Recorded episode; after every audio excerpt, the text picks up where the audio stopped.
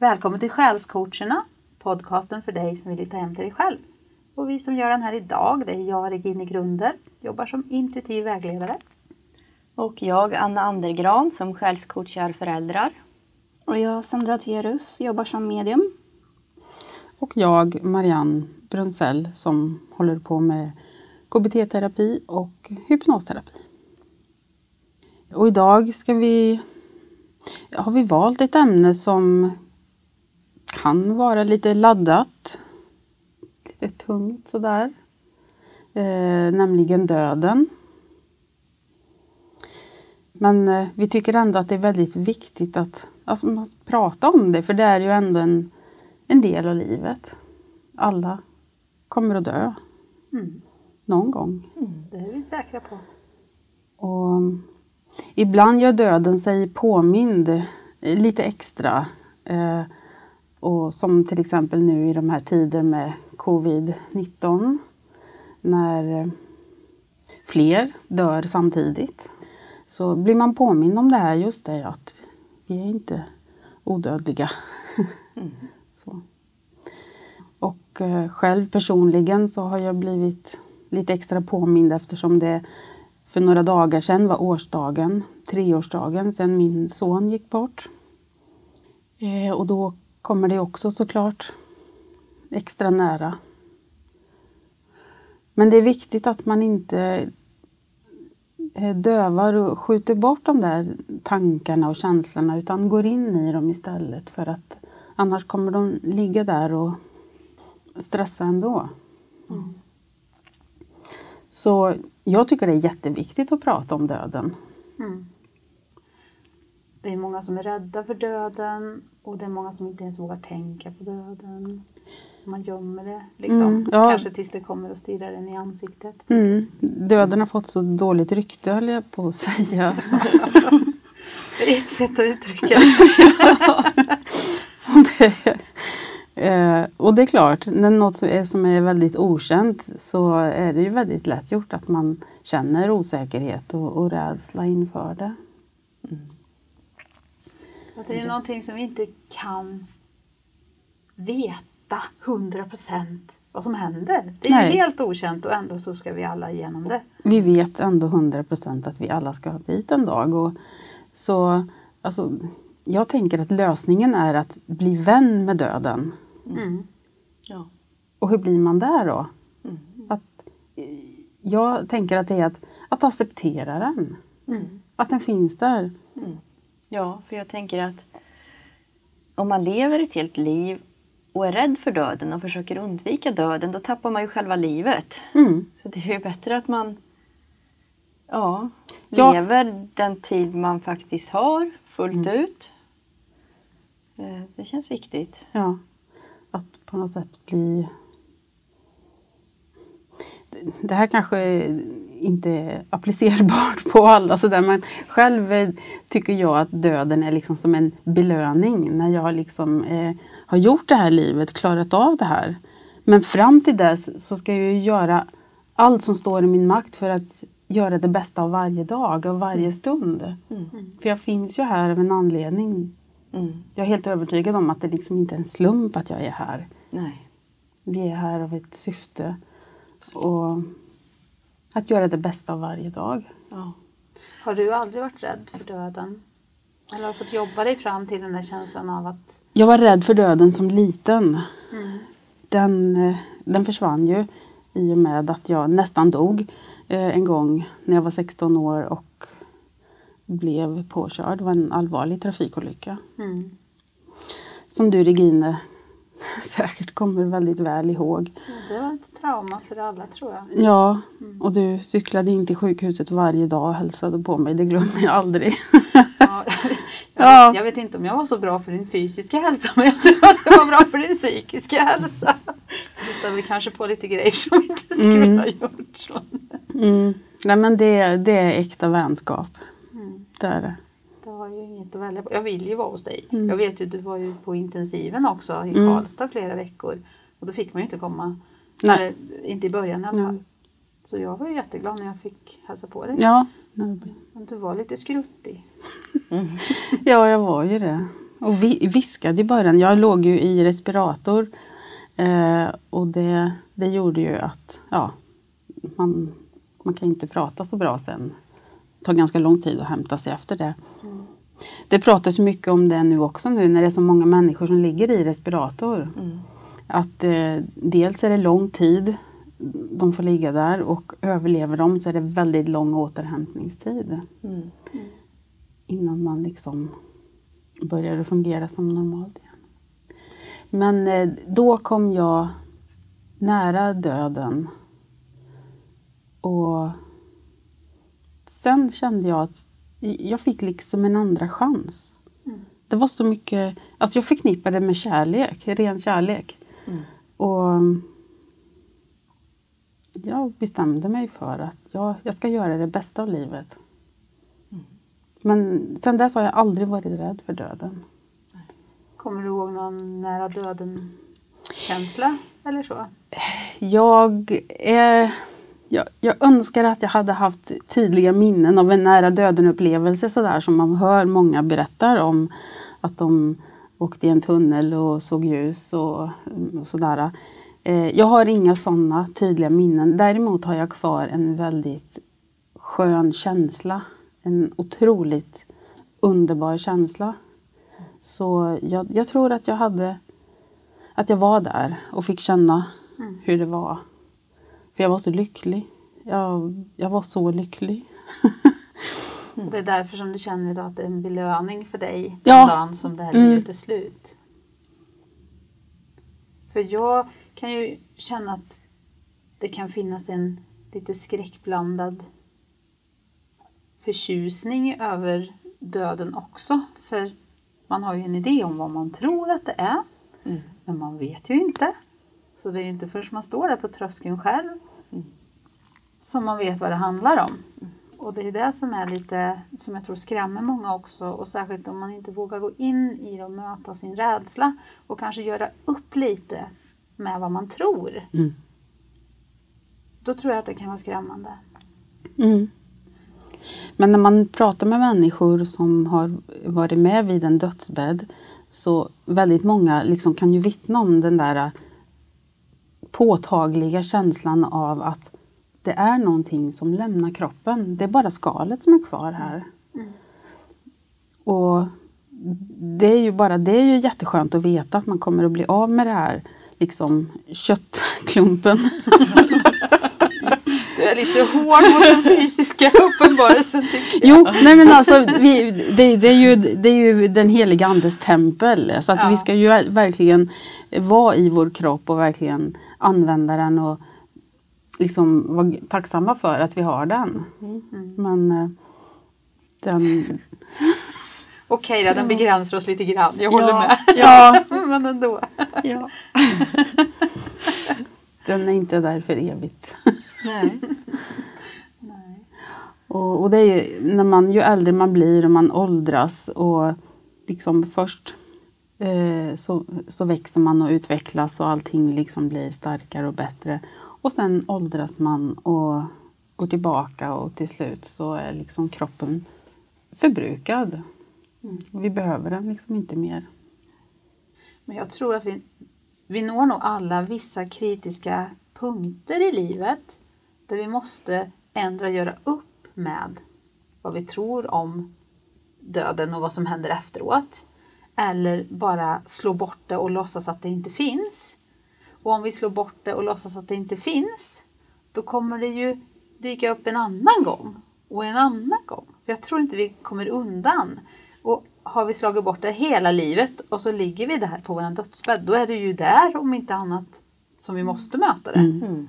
Så att jag tycker att det är sunt och bra att faktiskt fundera på det här och känna in det här mm. mm. tidigare. För jag tror också rädslan för döden kan hindra oss att leva, så som du sa. Absolut. Ja. Det blir ju ett hinder. Om du, du kan inte li riktigt leva fullt ut om du liksom hela tiden går omkring och är rädd. Mm. Nej. Jag kan möjligtvis tycka att självaste att dö kan ju kännas lite jobbigt att tänka på. Att det skulle kunna vara en jobbig eh, upplevelse beroende på hur det går till.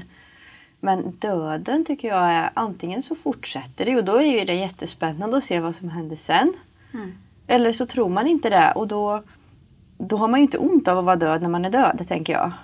Om man tror att det verkligen är svart och tomt. Mm. Så jag, jag, jag har lite svårt att förstå den där jättestora rädslan för döden. Men döendet, mm. absolut. Ja, man har ofta döden och livet som motsatser men eh, om man tänker istället att död och födelse ja. är motsatser. Livet det pågår ju hela tiden, det har ju pågått i evighet och kommer fortsätta att pågå i evighet. Mm. Det som är motsatsen är ju födelse, död, födelse, död. Mm. Växter, djur, människor, allt. Mm.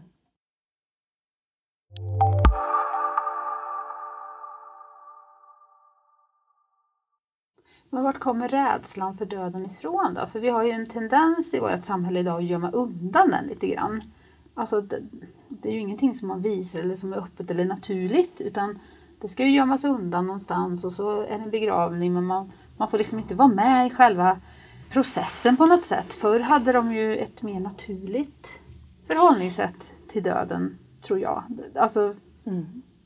Jag har ja. inte sett en död människa och jag är 50 år. Nej men det är förbjudet att se döda människor om du inte är jättenära släkt med dem. Mm. Alltså, det är ju, man, man har verkligen gjort väldigt mycket eh, liksom mystik och läskigt runt omkring det.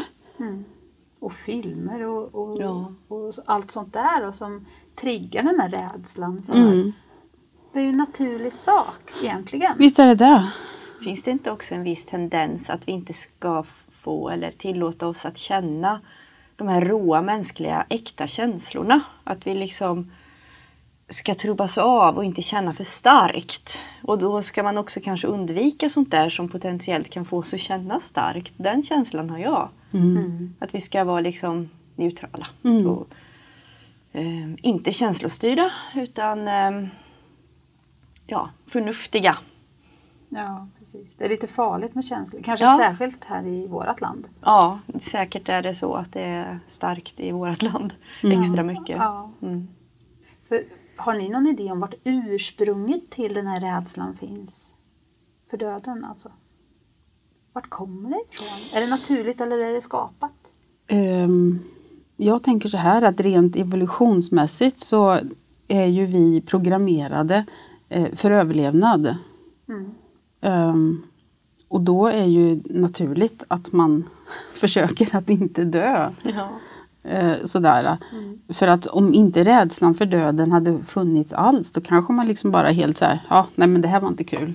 och så bara liksom, ja. Utan på något sätt kan man, även om det är svårt och så, så har vi fått en inbyggd överlevnadsinstinkt som är jätte, jättestark. Mm. Den kan jag, jag kan mer förvånas över hur stark överlevnadsinstinkten är mm. istället. Eh, om någon frågar så här, varför är det så många som tar livet av sig? Jag kan istället tänka så här, varför är det så många som inte gör det, som ja. faktiskt fortsätter trots att livet är skitjobbigt? Ja. det är att vända på steken. Ja, ja. verkligen. Ja. ja.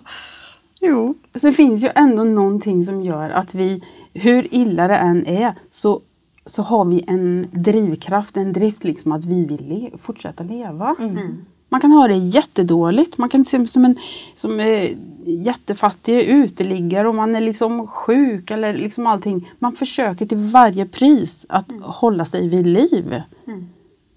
Ja, det är imponerande. Ja, jag tycker verkligen det. Ja, enorm kraft. Men eh, jag tror ju också som du sa att vi har, kommer hit med ett syfte, att vi är här av en anledning. Och jag tänker att det kan finnas någon koppling där också. Att man, att man någonstans, ofta undermedvetet, har det där syftet som man vet att man ska göra och då kanske rädslan består i att inte lyckas med det. Liksom, att inte slutföra det. Att, inte, ja, att det är det som rädslan för döden kanske kan innebära och överlevnadsdrivkraften. Eh, att man eh, vill slutföra det som man kom hit för. Så man är klar? Ja, så man slipper göra om samma bana igen. Ja, ja för det är mm. lite intressant. Vi, vi runt bordet här, vi tror ju på reinkarnation allihopa. Mm. Mm. Det är ju många som inte tror på det. Mm. En del tror ju på ett liv efter döden men de tror att vi bara har ett liv. Ja. Så finns det ju de som tror att allt är slut. Mm. Så finns det ju inte få som tror att det finns flera nivåer på andra sidan. Mm. Att det kan finnas en himmel och ett helvete och, och allt vad det kan vara. Och där kan jag ju förstå att man blir lite rädd om man tror att när jag dör så finns det risk att jag hamnar i, ni vet, där nere. Mm. För det finns någon högre makt som, Som har som bestämt att jag dömt inte, dig att du, ajabaja. jag, jag gjorde fel så nu Ja. ska jag vara där nere i evighet. Ja. Mm. Det är klart om jag tror det, då är det inte heller så konstigt om jag är rädd. Nej, nej, nej. Eh, religioner har ju skapat mycket rädsla. Mm. Gå in i gamla kyrkor och titta på kyrkomålningar där man liksom målat helvetet med djävlar som går med sina tre uddar och Ja. plågar människor. Mm. Ja, För att verkligen sätta skräck i. Ja, så jag funderar lite på vad vi kan göra. Kan vi göra något för att motverka? Det här samtalet är ju ett jättebra sätt till exempel. Mm. Och vara öppen med, alltså våga erkänna kanske att jag har de här funderingarna kring döden. Alltså man vågar lyfta samtalsämnet, prata om det. Vad tror du? Vad, vad känner du inför det här äventyret som är nästa steg? Mm. Det kanske, det är många omkring mig som inte tror att det finns något mer. Mm. Och då är det klart, det kan ju kanske också skapa en sån här rädsla att, att jag ska upphöra att existera överhuvudtaget. Ja. För jag tror just vår överlevnadsinstinkt handlar om att vi har svårt att tänka oss att vi inte ska fortsätta existera på något sätt. Mm. Mm. Och har man den tron då så det kan jag tänka mig att det är skrämmande. Mm. Men alltså jag var ju med om en, vad ska man säga, en eh, men panik för att just dö. Vad, vad kallar man det för? Eh, Dödsångest. dödsångest fick jag en gång när jag skulle operera mig. Då, alltså jag hade panik, jag grät. Och när jag kände efter liksom varför jag hade den panikångesten liksom, så var det ju för att jag skulle dö för tidigt. Mm. Liksom känslan av att jag skulle gå vidare till någonting annat utan att vara klar med det jag känner att jag ville vara klar med det här livet. Mm. Det var ju det som satte mig mot väggen liksom direkt. Mm. Så det var liksom inte, jag har aldrig varit rädd för att dö. Liksom så. Inte ens när jag var liten. Men för mig var det väldigt, väldigt påtagligt när jag var liten. Och, alltså jag fantiserade väldigt mycket om döden på väldigt låg ålder. Liksom, vilket tyck- lärarna tyckte var jättekonstigt också. Men, men sen när jag väl stod inför en ja, men situation att jag skulle operera mig och då var jag rädd för att jag skulle dö för tidigt. Liksom. Men har du alltid haft den här eh, känslan av att det fortsätter? Har du alltid haft den mediala kontakten? Att du har vetat att det finns något mer? Alltså jag är ju inte direkt så här 100% veta eller att någon har sagt någonting sånt till mig. Det har ju inte funnits så. Jag har bara haft en känsla av att det finns något mer liksom. Mm. Att det finns något som fortsätter. Men hur, handskas du med, hur handskades du med den situationen där och då? Nej, det var väl inte så jättebra. jag, eh, jag fick mycket hjälp när jag kom på, på plats. Jag fick ju mycket, så, mycket mediciner som gjorde att jag slappnade av. Ja. Så det var min räddning. Men på vägen dit, det var riktigt hemskt var det. Mm. Så att jag hade ju, jag hade ju stöd med mig, jag hade min mamma med mig och så min sambo. De berättade ju liksom att jag mår jättedåligt för det här liksom. Så då gav de mig någonting direkt som gjorde att jag slappnade av. Så då försvann ju alla de känslorna liksom. Men det är ju också viktigt att, att erkänna att det här är ju någonting som skapar starka känslor. Mm. Även fall man till och med vet att det finns någonting efter. Mm. Så finns det så mycket annat som kan skapa oro Mm. kring den här situationen man ska lämna. Ja, det är ju en separation. Alltså en separation innebär ju sorg. Och det är klart att vi, alltså det är klart när, man, när någon som nära en, som man älskar och som har funnits nära en eh, dör, såklart att sorgen är jätte, jättestark. Du har ju liksom, det är ju någonting som har skilts ifrån dig, så även om man säger att ja men separation är en illusion, nej men just nu är ju våran upplevelse eh, i hjärtat då att man har förlorat den här. Och det är klart att det blir sorg, det är jätte, jättetungt. Och, men eh, att man låter sorgen få finnas där låter den få komma fram. Man gråter, att man liksom pratar om det. Och den kanske aldrig försvinner. Mm. Eh, särskilt om det är någon som har varit väldigt nära. Men att acceptera att den finns där och ibland visar den sitt ansikte och då får man gå in i den. Och, ja. Och så tänker jag också att det är jätteolika processer beroende på vem det är som lämnar såklart. Mm. Min mamma lämnade ju för fem år sedan och hon hade varit sjuk jättelänge och det var liksom så här, så det var för mig och familjen så var det ju en, en övergång som var ganska Det var alltså, väntat? Mm. Det var väntat och vi kände att det var en lättnad för henne också och för mm. oss med. För det var mm. det är jobbigt att gå i den, mm. det läget att någon är väldigt, väldigt sjuk länge, länge. Och det, mm. det är på vippen väldigt många gånger och man ja. svävar sig mellan hopp och mm. förtvivlan. Så att det var en helt annan situation än vad du mötte Marianne. Mm. Mm.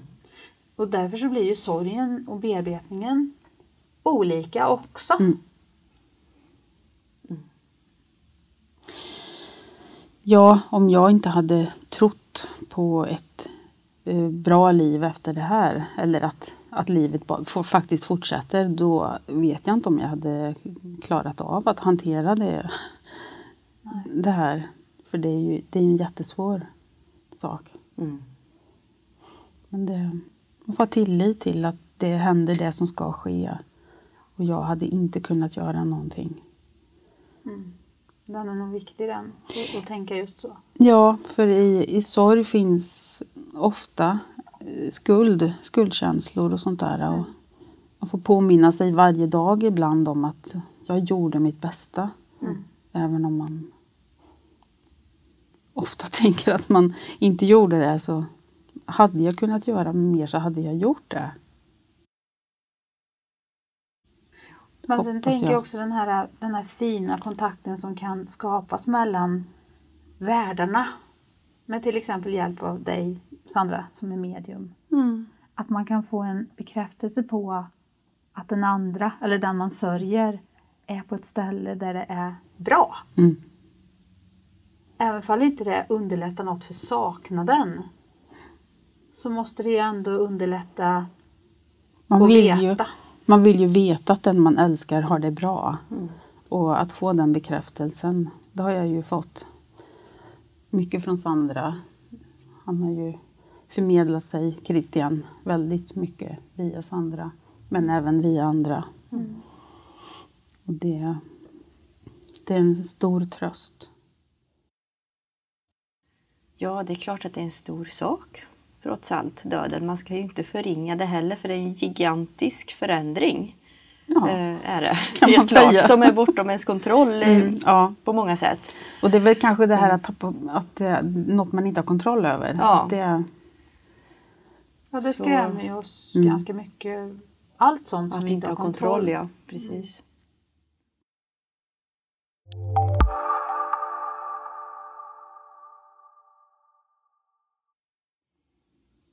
Men vad tror ni händer efter då?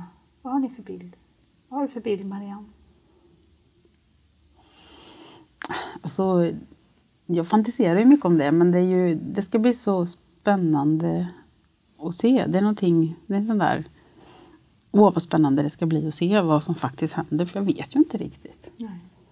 Jag vet bara att det blir bra. Du vet mm. att det blir bra men du har mm. ingen sån bild av det? Eller så? Inte som jag kan förklara. Nej, mm. Nej det är inte så lätt att sätta ord på det Nej. förstås. Anna då? Ja. ja, jag tror ju att det man lämnar är kroppen och i viss mån även mänskliga programmeringar som tynger en. Kan jag tycka. Så man blir mer, man blir fri som en själslig varelse. Så där man kanske har lärt sig att tro på som också kan vara begränsande eh, som människa. Det blir man liksom också fri från så man kan vara klarare där man är som själ. Eh, så man liksom lyfts, tror jag, så allting blir lättare och renare och klarare och tydligare. Så att man kan få ett högre perspektiv på det liv man har levt. Mm. Och vad, vad syftet var och, och därifrån vart man ska härnäst. Jag har ju en känsla av att återvända hem också. Jag har en känsla av att, man är hem, att jag är hemma någon annanstans än här. Mm. Och att jag tillfälligtvis har valt att gå hit för att få en upplevelse. För vissa syften då. Mm. Både för mig och för andra tror jag. Att jag har kanske något att lära för mig själv och även någonting att tillföra till andra. Mm. Och sen att jag återvänder hem, det är min känsla. Mm. Men exakt hur det ser ut och hur, alltså, det, det, vet jag ju inte riktigt. Men det låter som du inte heller är något orolig eller rädd för själva döden. Bara sättet Nej, som det går in, till på det. Precis, ja. Sandra, du berättade lite i ett annat avsnitt men vi kan väl ändå mm. vi kan väl berätta lite i alla fall. Ja, jag tror väl mer på att eh, om man säger att alla smärtor och krämpor och sånt där försvinner i processen. Och även som Anna sa att just mycket mänskliga faktorer släpps liksom. Sånt som man... Våra tankar och känslor. Ja, mm. att det liksom just tankar och just medvetenheten försvinner nog inte på det sättet. Men just om vi ser dömandet mm. som man faktiskt har lite här och, och där liksom. Det försvinner. Det, det, är jag ganska garanterad på. Um, sen så tror jag också just i beroende på vad man tror på, om man kanske har någon religion i bakgrunden, så tror jag att själva, alltså själva övergången, alltså första steget, första processen, tror jag kan vara väldigt lik det som man tror på för att övergången ska bli så bra som möjligt mm. för personen. Eh, att det liksom blir som en, en bild utav det och sen att ja, men har man människor som har gått över innan så, har jag uppfattat det som i alla fall att de kommer och möter upp eller om det är någon ängel som möter upp. Eh, sen har jag också fått till mig liksom att det är olika processer när man har gått över. Men hur det ser ut exakt, det kan inte jag svara på heller. Liksom. Men jag tror att man, kan, att man får en upplevelse precis när man går över som är väldigt lik den tro som man faktiskt har någonstans djupt inom sig. Liksom. Kan det då innebära att om man har en väldigt stark tro på att har jag gjort väldigt mycket syndiga och dåliga saker så kommer jag till ett väldigt dåligt ställe.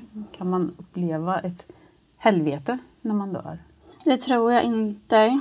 Eh, utan jag, jag tror mer på att eh, för den personen blir det nog en överraskning att det blir till det positiva ja. i så fall. Nej men jag tror, jag tror inte att man upplever att, att man hamnar i helvetet liksom så. Utan det är nog mer att man blir bemött liksom av sina släktingar eller nära anhöriga och så vidare. Liksom. Och att det, många har ju beskrivit att det är en väldigt varm, kärleksfull känsla när man passerar över. Liksom. Så att jag, jag har väldigt svårt att tro att någon skulle någonsin ha liksom, mm. känt av någonting negativt. Liksom. Det tror jag inte. Man har ju hört många berättelser om de som har haft nära döden upplevelser mm. och upplevt den här energin och känslan av att det är bara kärlek och det är bara underbart och härligt. Mm. Men sen har de blivit då tvingade tillbaks, eller hur man ska säga. Du är inte klar än, du ska tillbaks. Och nej, nej, nej. Mm. Har man ju Jag vill inte tillbaks. Nej, det, att ja. ingen vill tillbaks liksom. Men mm. så är de bara tillbaks i sin kropp. Mm. Men efter det så, så lever de på ett helt annat sätt. Mm. Alltså då vet de på något sätt mm. att det där finns. Mm. Man gör nya val, tror jag, när man... När man mött den energin. Mm. mm. Att det blir eh, vissa saker som man kanske innan har tyckt var viktiga och så blir väldigt oviktiga. Mm. Att eh, man värderar saker väldigt annorlunda. Mm, det tror jag med.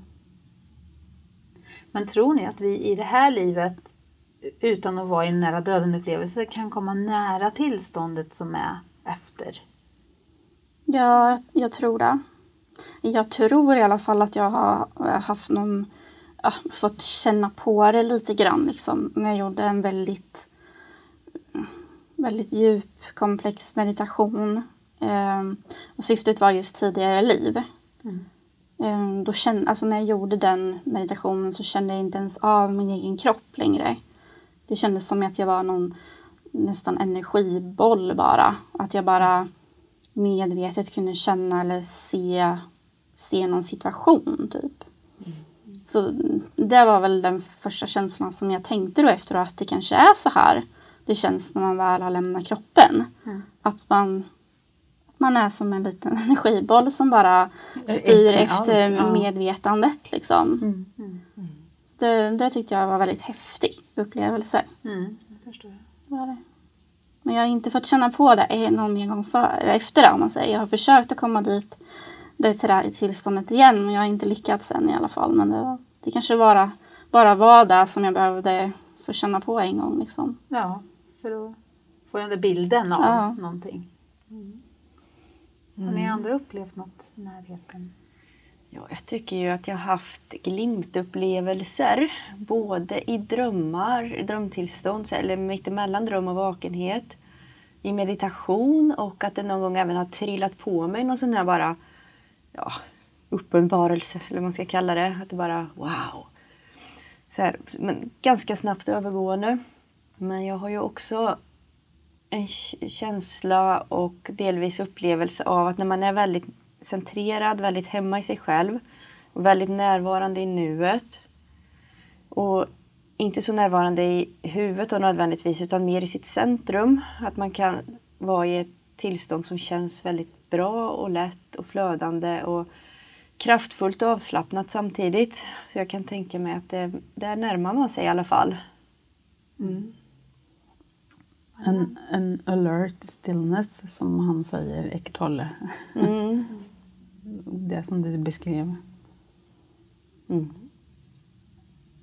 Har du känt närhet på något mer sätt ändå när du blev med om olyckan? Alltså mina bästa stunder är när man är verkligen ute i naturen. Jag älskar ju att, att gå ut och bara, och bara vara liksom. Då, då kan man släppa mycket av det här tankar och oro och alltihopa och stress och allting och bara vara. Min närmaste upplevelse det är när du gjorde hypnos på mig första gången. Jag, träna. mm. jag har berättat det någon gång Mm. i något avsnitt, jag kommer inte Mm. vilket. Men då var det också som att jag blev bara något energimoln. Eh, moln. alltså jag Mm. expanderade. Jag hade ingen kropp direkt men det kändes som att jag bara expanderade och expanderade.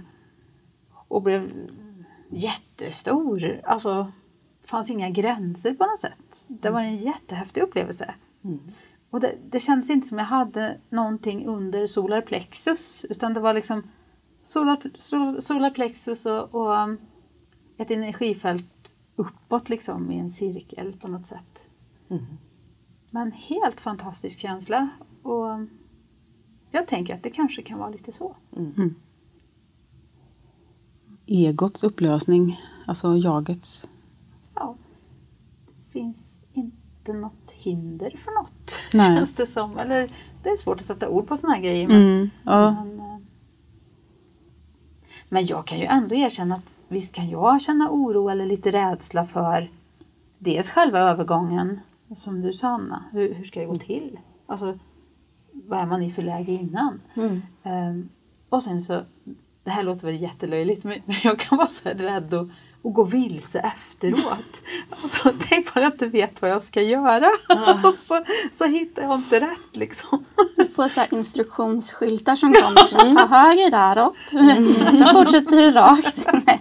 Men det är bra att du säger så här, Sandra, att, att man skapar, man kanske får det bemötandet som man tror att man ska få och då måste jag ju genast sluta med att tro att jag ska bli förvirrad. Ja, de, Då kommer jag bli de finns ju osann där och tar emot dig. Ja. Ja. Ja, nej, men det, det är väl den mänskliga känslan av osäkerhet och kontrollförlust. Mm. Men sen även den här känslan av att lämna andra. Det är ju inte bara, man Nej. tänker ju inte bara på sig. Nej. Utan jag tänker Separation. Mm. Ja, och att jag ska lämna innan de som jag ska lämna, innan jag tycker att jag har varit färdigt för dem. Mm. Konstigt uttryck kanske men det är skönt att barnen är vuxna, så kan jag känna. Mm. Eh, För när de var små kunde jag ha en rädsla för att tänk vad det händer något. Mm. Tänk vad jag bara försvinner, bilolycka eller vad som helst. Va? Hur ska det gå för dem? Och Mm. jag vet, vi skulle åka på någon eh, Ålandskryss, det var väl några år efter Estonia. Mm. Jag skrev långa brev liksom. Mm. Så här, gör så här om, om jag inte kommer hem igen. Oj. ja. ja men sådär. Ja. För Estonia påverkar mig jättemycket. Mm. Det var en sån här grej som fick mig att verkligen börja tänka på och göra upp med min dödsrädsla. Mm. För det, det, kom så nära ja. på något sätt. Mm. För det sa min mamma och pappa för de var ju nära på att bli riktigt påkörda med en lastbil i en korsning i Karlskoga. Och sen efteråt så sa de, gud vad nära det var liksom. Och då tänkte, började mamma tänka direkt bara, men vet Sandra och Simon vad de ska göra om vi försvinner? Började hon tänka liksom. Ja, ja. Så att det, det, är då de här, ja. de här praktiska sakerna som man börjar grubbla på istället. Liksom. Mm. Ja, för vardagen är ju så, den bara rullar på och man tänker inte så mycket. Så händer det något och så bara, ja just det. Är jag förberedd? Vad som helst kan ju hända. Mm. Och jag tror det folk får möta lite nu i, i de här tiderna vi lever i med mm. Corona. Att vem, vem kan bli sjuk och hur går det mm. till och vart tar vi vägen? Och, vilka får hjälp och tänk om det är fullt på sjukhusen.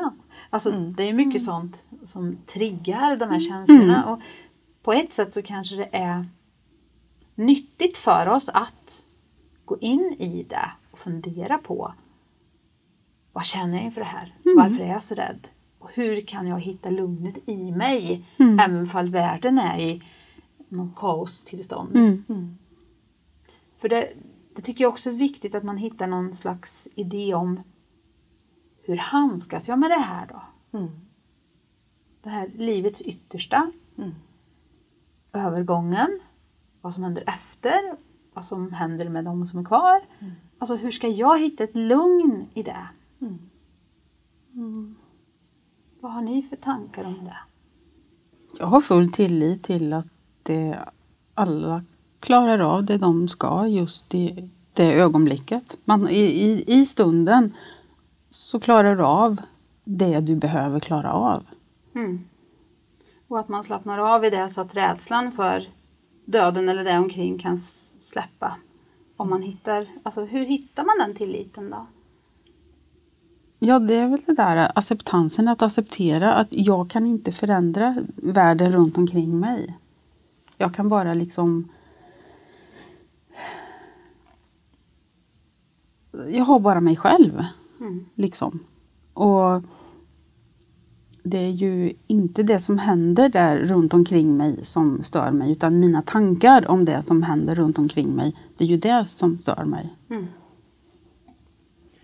För mig är det ju jätteviktigt att ha den här kontakten med det som lever vidare när, kropp, när jag lämnar kroppen. Och det upplever jag ju att jag har i mitt centrum. Att jag är i kontakt med mitt centrum hela tiden. För det är där jag känner att det är den, där har jag den jag som jag kommer fortsätta vara och som jag alltid har varit, som jag kommer liksom, det som finns kvar.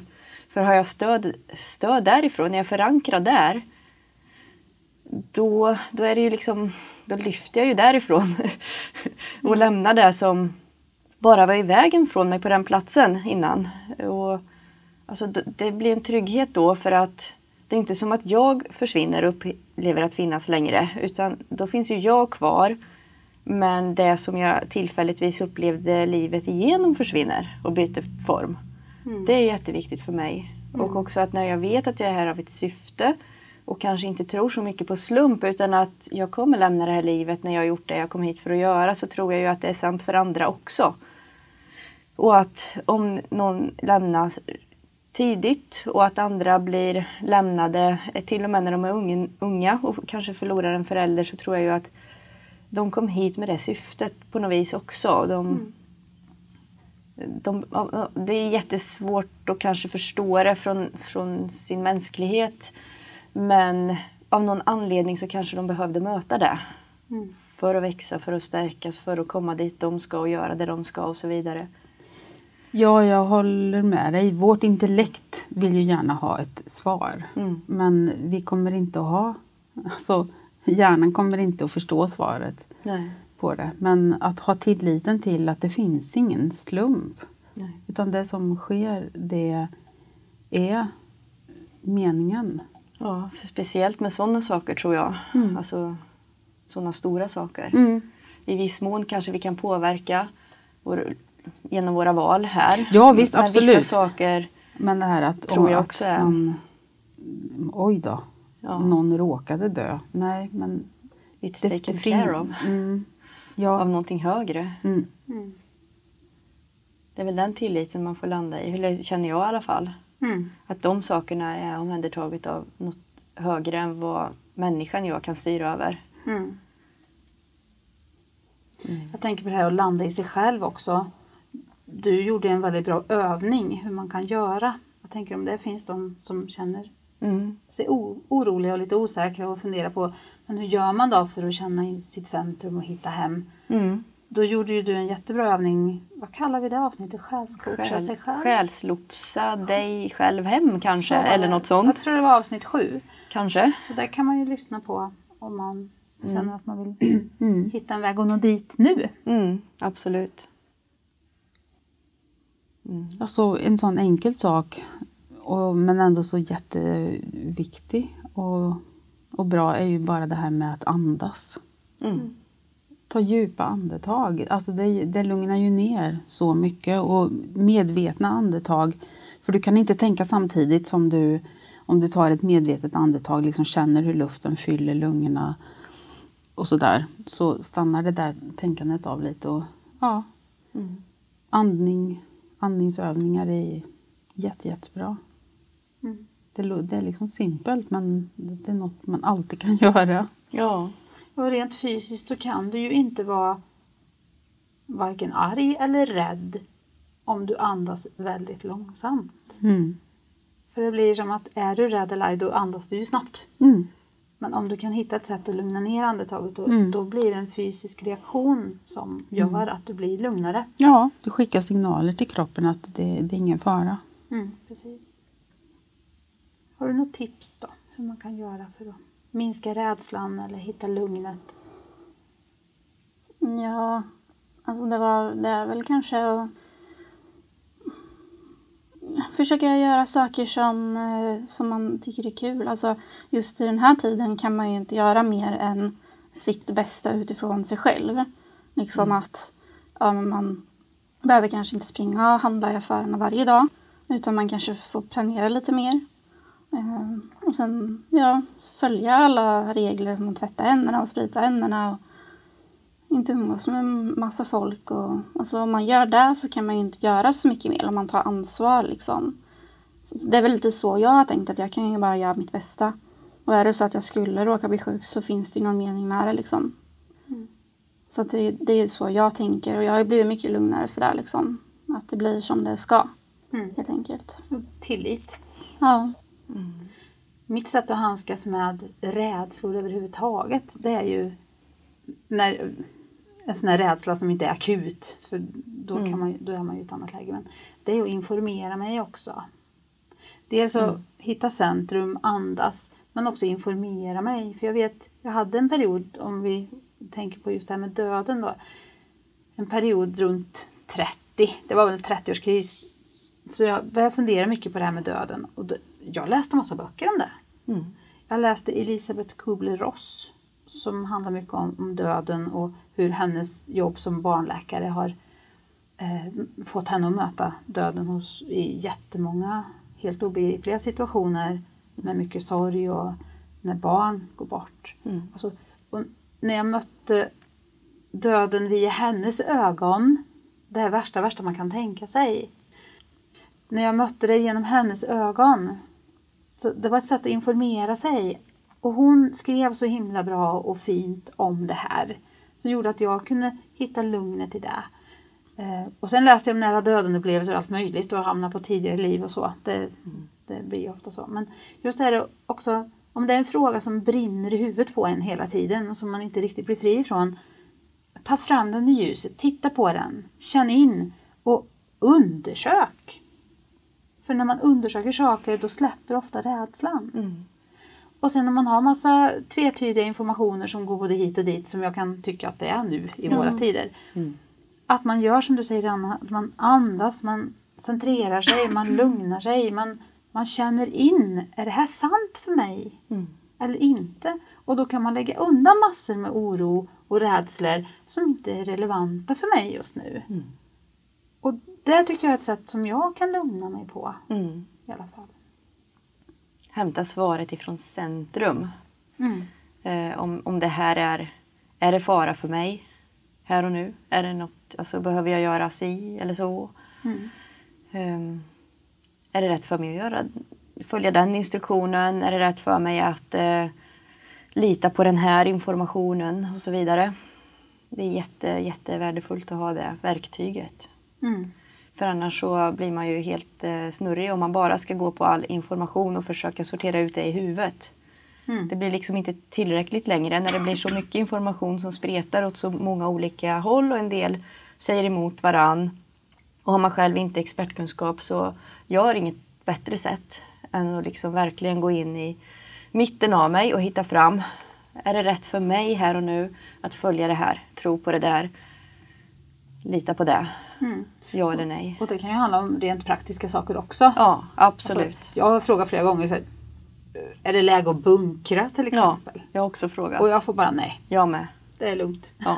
Så, och då behöver inte jag gå omkring och vara rädd för att jag ska bli utan mat och toapapper. Nej. Utan då vet jag att nej, det är lugnt. Mm. Jag behöver inte vara orolig för det, inte just nu. Och då släpper det ju mycket rädslor. Eller är det rätt att träffas i den här gruppen nu, någon känner sig lite förkyld. Ehm, så ställer jag också den frågan, är det rätt tidplats och orsak att göra det här? Ja, okej, då gör jag det. Mm. Så är jag inte orolig. Nej, precis. Och så där kan man ju, det kan man ju applicera på allt Mm, i absolut. livet. Ja, Ja, man har svaren inom sig. man har ju det. Ja, Det är bara att lita på att man har det och söka dem inom sig. Ja, och inte låta hjärnan ställa till det. För att när man börjar att tänka så blir man ofta panikslagen. Ja, Och släppa tankarna och mm. gå in i sjunde sinnet istället. Mm. Men det var väl lite bra avslutningskommentarer, var det inte det? Eller har vi missat att prata om någonting? Är det någon som känner att det är någonting som, som måste ut? Något mer? Nej, jag känner mig klar. Mm. Ja, det är ju det finns säkert jättemycket att säga men det känns som vi har fått ett ganska bra samtal runt det här. Det tycker tycker jag jag. också. Mm. Och vi kommer säkert återvända till det här på olika sätt för det är ju ett stort ämne. Det är stort. Ja. Mm. Men eh, ska vi... Säga tack för idag. Ja, precis. Mm. Så Tackar. kommer ett nytt avsnitt om 14 dagar igen då. Mm. Ja. Tack och hej. Tack och hej. Hej då.